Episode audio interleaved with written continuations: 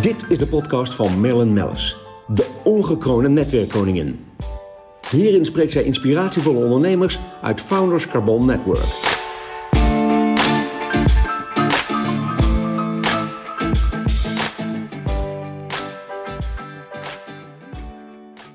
Welkom Maasbert Schouten. Ja, je bent natuurlijk een heel dierbaar uh, FCN-lid van het eerste uur. Maar je bent natuurlijk ook ondernemer, een groots entrepreneur, investeerder, uh, bedrijfsadviseur. Ik hoor je ook heel vaak op, uh, op BNR. Um, ja, dat, dat klinkt altijd goed. Um, je wordt voor raad en daad word jij gevraagd. En we hebben nu eigenlijk in onze podcast voor de Founders Carbon Network members ook... Um, hebben we natuurlijk wat vragen voor de ondernemers. En we zijn natuurlijk heel geïnteresseerd in hoeveel ondernemingen heb jij eigenlijk? Want het zijn er best veel.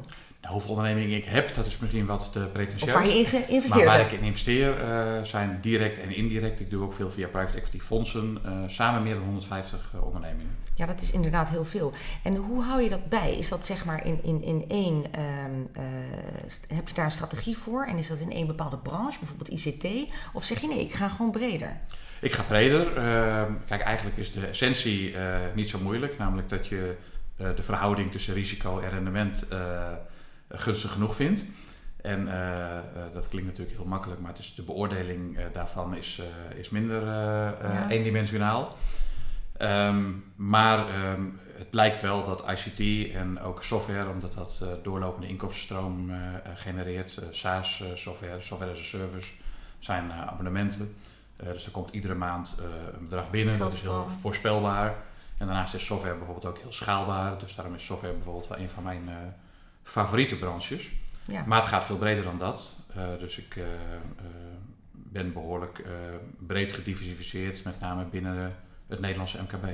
Ja, ja ik heb begrepen dat inderdaad, als we het hebben over MKB, en daar zit natuurlijk Founders Carbon Network vol van, van de ondernemers binnen het MKB. Um, dat je ook heel veel mensen daaruit kent.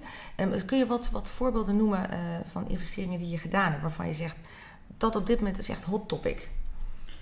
Um, poeh, dat is best lastig, want uh, dan krijg je al snel de, de clichés van fintech en ja. allemaal hele flashy sectoren. ik probeer juist in vrij conservatieve, degelijke, wat minder, misschien wat minder sexy voor de buitenwereld sectoren te investeren. Uh, maar ik heb bijvoorbeeld ook uh, uh, geïnvesteerd met private equity onderneming in een etikettenfabriek, om maar iets geks te noemen. Nou ja. En via een buy-and-build strategie zijn allemaal aanpalende collega's bijgekocht en samen verkocht tegen een heleboel keren onze investering. Ja. Dus dat, dat is maar een voorbeeld, maar zo kan ik er natuurlijk nog heel veel op noemen. Maar echt in hele uh, hotte sectoren investeer ik eigenlijk liever niet, omdat dat vaak bedrijven zijn die nog niet cashflow positief zijn, waar iedere maand meer uitgaat dan er binnenkomt. Dat is ook onderdeel van een businessmodel. Ja. Waarbij als je daar een klapper mee maakt, het ook wel 20 of 30 keer of misschien nog wel meer je investering kan zijn. Maar er hangt een risicoprofiel aan dat niet, waar ik niet lekker bij slaap. Dus ik heb liever dat ik drie of vier keer mijn euro kan terugverdienen en daar uh, lekker bij slaap. Dan, Precies, dan uh, dat je in een heel hot segment Een multiply maar 20 hebt en dat en, je... Uh, maar dat kan ook in de min ingaan. Ik zoek niet ja. de nieuwe Facebook, maar nee. ik zoek wel ondernemingen die ja, heel gezond zijn, bijvoorbeeld een management buy-out willen doen. En dan samen met management die onderneming overnemen en kansen benutten die, waar tot op heden onvoldoende ruimte voor was. Bijvoorbeeld omdat het onderdeel was van een groter geheel. En uh, de onderneming niet de investeringsmogelijkheden kreeg om die kansen te benutten. Ja. ja, dat is mooi aan jou. we hebben ook wel zo'n gesprek en dan belichten we eventjes een, een bedrijf uit. En dan, dan blijkt ook inderdaad als bedrijfsadviseur alleen al is natuurlijk uniek. Je hebt veel, vaak al binnen enkele minuten iets gescand en dan duik je erin en dan... Je hebt eigenlijk wel heel snel... Dat moet ook haast wel, want ik ja. krijg iedere dag wel uh, proposities op mijn nou, bordje. dat wilde die, ik vragen. Hoeveel krijg je er wel niet? Uh, nou ja, dat scheelt. Hè. Soms, zijn het er, soms is er één per dag en soms zijn het er, zijn het er zes. Um, in de zomer die er nu aankomt zal het wel wat rustiger worden. Maar um, ja, je moet dus ook wel snel kijken als je niet een heel groot team hebt. Ik kies daar bewust niet voor om dat te hebben. Ik heb in een vorig leven duizend man en vrouw overigens Ja. personeel gehad. Ja, Ik ben nu heel blij dat ik eh, geen personeel heb. Dat ik indirect wel heel veel mensen heb die voor mij werken. Maar dat ik niemand eh, zelf op de payroll heb. nee, precies. En dat eh, geeft Zelf een fijn en vrij gevoel. Ja, Ook al ben ik daardoor wel slaaf van mijn eigen mailbox om 11 uur 's avonds. Maar goed, dat is... ja, maar goed. Ik weet dat je jou kan mailen s'nachts en dan krijg ja, je ook nog dan antwoord. krijg je ook nog reactie. Ja. En, ehm, want je had het over duizend man personeel. Ik kan me herinneren, dat was in de tijd van Vitesse. Want sommige luisteraars weten dat. dat is nog voor. Vitesse. Bij Vitesse werken er geen duizend hoor. Nee, Dat, maar hoeveel ja. Werkte dat? Dat was ook best wel een grote groep. Ehm, ja, al met al ook meer dan 100. Meer ja. dan 100, ja. ja. Ja. was ook een mooie investering. Eh, zeker. Ja. Achteraf wel. Op het moment zelf eh, heb ik wel met samengeknepen billen was, gezeten. het was een spannende tijd. Maar achteraf was ik wel eh, een van de eerste ter wereld die geld verdiend heeft aan een voetbalclub. Ja. Hey, en, en en wat ook een van de vragen was, want ik heb eens even wat gepolst onder de leden. Wat zou je nou willen weten van Maasberg? Maar ehm, jouw investeringen, dat betreft in Nederland, maar is het ook internationaal? Eh, ja, eh, focus is wel op Nederland. Maar ehm, buiten Nederland investeer ik ook. Maar dan eigenlijk alleen via private equity fondsen. Ja, Omdat, ehm, ja, omdat die eh, meer expertise hebben in betreffende landen. En ook ehm, ehm, ja, daar meer capaciteit voor hebben. De lokale eh, regels beter kennen. de juridische zaken waar je rekening mee moet houden. ja. ja dus mijn dat, nou. expertise is eigenlijk toch wel met name beperkt tot Nederland. Ja, Maar ik investeer wel in het buitenland als we kansen zien, maar dan met een groep ondernemers eh, via fonds. ja. ja, want wij kennen elkaar natuurlijk ook van, hè, we, hebben, we hebben samen wel regelmatig een handelsreis eh, gemaakt. Ja, een mooie handelsmissie, heel leuk. Ja, Eh, ja, waar je we dan... zijn samen naar Harvard geweest. Nou, dat dus, eh, bedoel ja. ik. Waar jij in uitblinkt overigens is je zangtalent. Dat, eh, dat hebben we ook ontdekt. Dus als Ja. je ooit nog zegt, ik hang het in de wilgen allemaal. En ik Ja, dan word ik volkszanger. Dan word je volkszanger. Ja, nou ja, je zingt in ieder geval beter dan de gemiddelde volkszanger. Dat kan ik eh, iedereen al eh, verklappen. Nou, die Maar nee, luisteraars zien het niet, maar ik zit te blozen als een gek. Ja, nou, maar het is ook echt zo. Nee, eh, geweldig. Ehm, nee, Harvard, je noemde net Harvard. Dat was ook inderdaad heel erg leuk. Om daar eh, heel eh, interessant. ja, onderricht te krijgen van, eh, van eh, onder andere professor Davis, kan ik me nog herinneren. Van, over familiebedrijven. Ehm, over familiebedrijven gesproken, is een mooi, eh, mooi bruggetje. Ehm, eh, zeg jij van, goh, ik, ik bouw dit op en ik zou willen dat mijn kinderen straks misschien nog het opvolgen? Of zeg je, nee, ik maak het klaar en eh, ik verkoop op een gegeven moment mijn aandelen? Portefeuille. Mijn portefeuille, ja. Ja, nou het is zo dat ik eh, er niet op gok dat mijn kinderen toevallig de competenties hebben die ik heb. Dus ik heb er maar liefst vijf kinderen, dus ik heb... eh, Ja, en prachtige kinderen. ik, heb ze, ik heb ze allemaal eh, mogen ontmoeten. Dus ik heb behoorlijk eh, eh, veel keus. Maar ehm, nee, ik heb het eh, zo ingericht, ook mijn eh, estate planning heb ik net helemaal eh herijkt en eh, zodanig ingericht dat als mij iets zou gebeuren eh, eh, vandaag, dan zouden morgen in ieder geval de kinderen het niet eh, over hoeven nemen. Dan blijft alles goed doorlopen en eh, zijn er mensen opgeleid die dan alles goed kunnen eh, overnemen en begeleiden. Ja, En natuurlijk hoopt denk ik iedere ouder dat zijn kind eh, capaciteiten heeft om later bij hem in de zaak iets te kunnen gaan doen. En dat zou ik ook leuk vinden, maar dat moet wel net, ja dat moet net goed kunnen zo- gaan. Ja, En, eh, organisch eigenlijk groeien eh, tussen ik probeer van vader 1 en... euro 2 te maken, maar als zij van 1,5 maken, zou dat toch heel erg zonde zijn. Is het heel erg zonde, ja. en dan zou ik liever hebben dat iemand anders eh, het goed blijft beheren en eh, dat zij de vruchten daarvan plukken. Ja, Dus ik, eh, ik, laat ik zeggen, ik ga daar niet mijn eh, eh, strategie op afstemmen dat zij het overnemen. Als ze in de loop der tijd, de oudste van mij is 21, eh, ik denk over een jaar of tien is daar veel meer van te zeggen, afhankelijk van eh, hoe zijn eh, carrière verloopt. Ja. En eh, ja, qua opleiding eh, gaan ze allemaal wel de goede kant op, maar, eh, Maar ja, ze moeten ook geen de druk vaardigheden vanuit- hebben en Precies. ze moeten het ook leuk vinden. En Ja, heel belangrijk. Nou, dat jij het leuk vindt. Ze moeten er ook lekker bij kunnen slapen bij de risico's die, Ja, ja, ja, ja, ja. Nou, dat is, ik, nou, ik denk dat dit een hele goede tip is ook voor de ondernemers. Eh, dat inderdaad, eh, sommigen zijn ook inderdaad zelf gestart, founder, eh, self-made man of woman.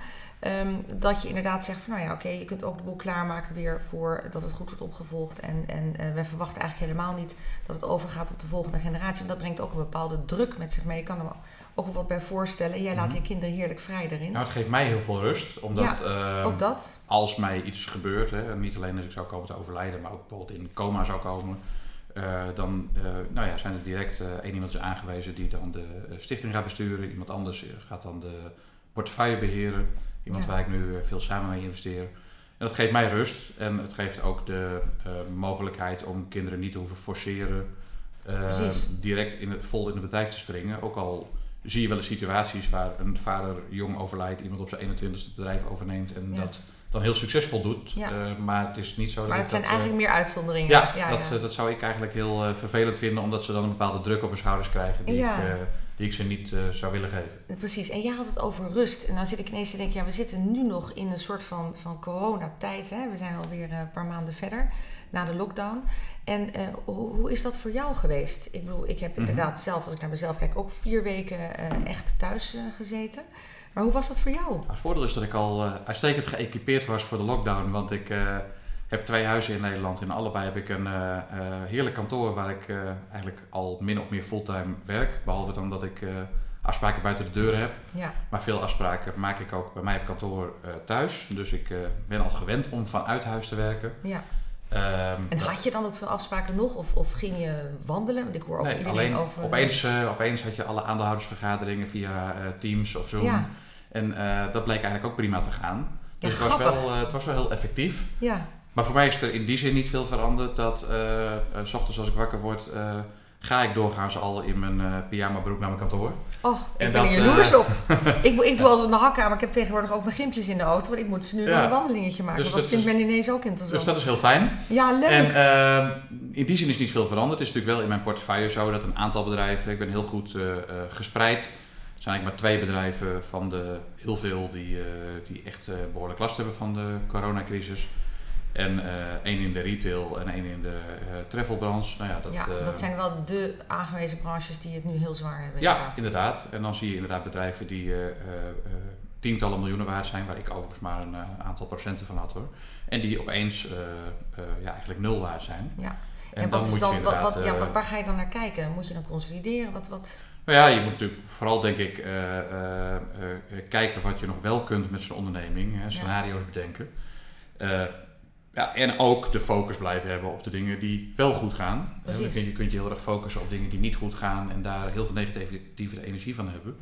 Maar ik heb wel geleerd in mijn zakelijke carrière dat er heel veel pieken geweest zijn, maar ook veel dalen. En dat je dan in, juist in die dalen uh, vooruit moet kijken naar de mogelijkheden die er wel zijn.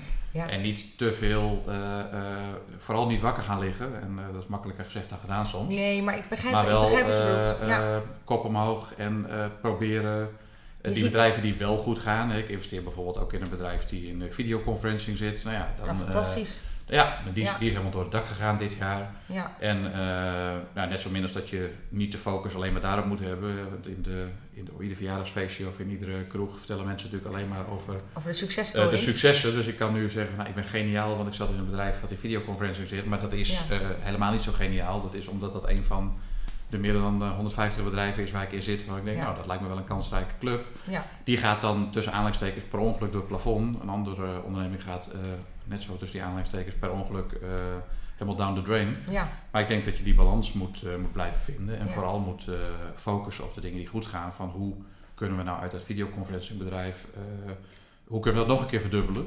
In plaats van reizen die er niet zijn, proberen te forceren. Precies, want, denk je ook echt door de corona dat er ook minder gereisd gaat worden, ook zakelijk? Want ik zie inderdaad, de, de conferences gaan wel heel makkelijk per, mm Zoom en Meets. En, en ja. Um, nou ja, zal, denk, ik denk dat we allemaal uh, het erover eens zijn dat er uh, minder gereisd zal worden zakelijk. Ja. Hè, en dat uh, heel veel ondernemers hoor je ook van vroeger ging ik even naar Londen heen en weer voor een aandeelhoudersvergadering. En de volgende keer blijf ik lekker in Nederland. Ja. En ik investeer ook in een private equity fonds in Londen, Hetway Capital. Ja, die hadden ook dit jaar een digitale aandeelhoudersvergadering, waar, waar uh, normaal de meeste aandeelhouders hebben ook behoorlijk veel Nederlandse aandeelhouders uh, heen en weer vlogen. En dat ging prima. En ik denk dat uh, de, de, feedback die ik van hun krijg is van joh, we doen het volgend jaar weer zo. Want dat ging eigenlijk uitstekend. Ja, soepel. En effectief. Ja, en dan eigenlijk als laatste vraag, want je ziet de hele tendens gaat nu toch ook richting thuiswerken. Denk je dat men dat aanhoudt? Want ik sprak ook mensen die zeiden, goh, ik werk bij een, een grote bank bijvoorbeeld, mm -hmm. maar ik ben single, ik wil helemaal niet thuiswerken. Of iemand anders zei, ik heb twee kinderen thuis, ik zie het helemaal niet zitten. Ja, je hoort hele wisselende geluiden hele natuurlijk. wisselende geluiden. Mij bevalt thuiswerken uitstekend, maar goed, ik heb ook de luxe positie dat ik eh, de ruimte heb en een apart kantoor heb. En, uh, maar ik kan me heel goed voorstellen als je op uh, een typisch Amsterdamse appartement van uh, 45 vierkante meter met man en vrouw en twee kinderen die ook nog les moeten krijgen, ja. gezeten hebt, dat je er wel heel anders in zit. Precies. Dus um, ik denk dat het wel uh, logisch is dat mensen voortaan één of twee dagen per week uh, thuis blijven werken. Maar de aansluiting met uh, het bedrijf en het netwerk en bij de koffie het koffieapparaat nog ja, even, even het praatje. bijpraten ergens ja. over.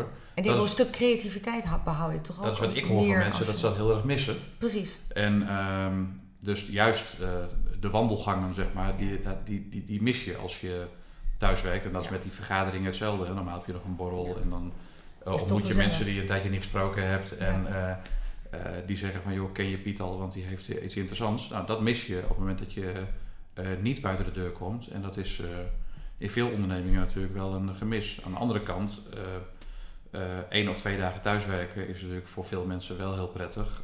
als ze daarna wel weer die andere drie of vier dagen hun collega's Precies. zien. Ja.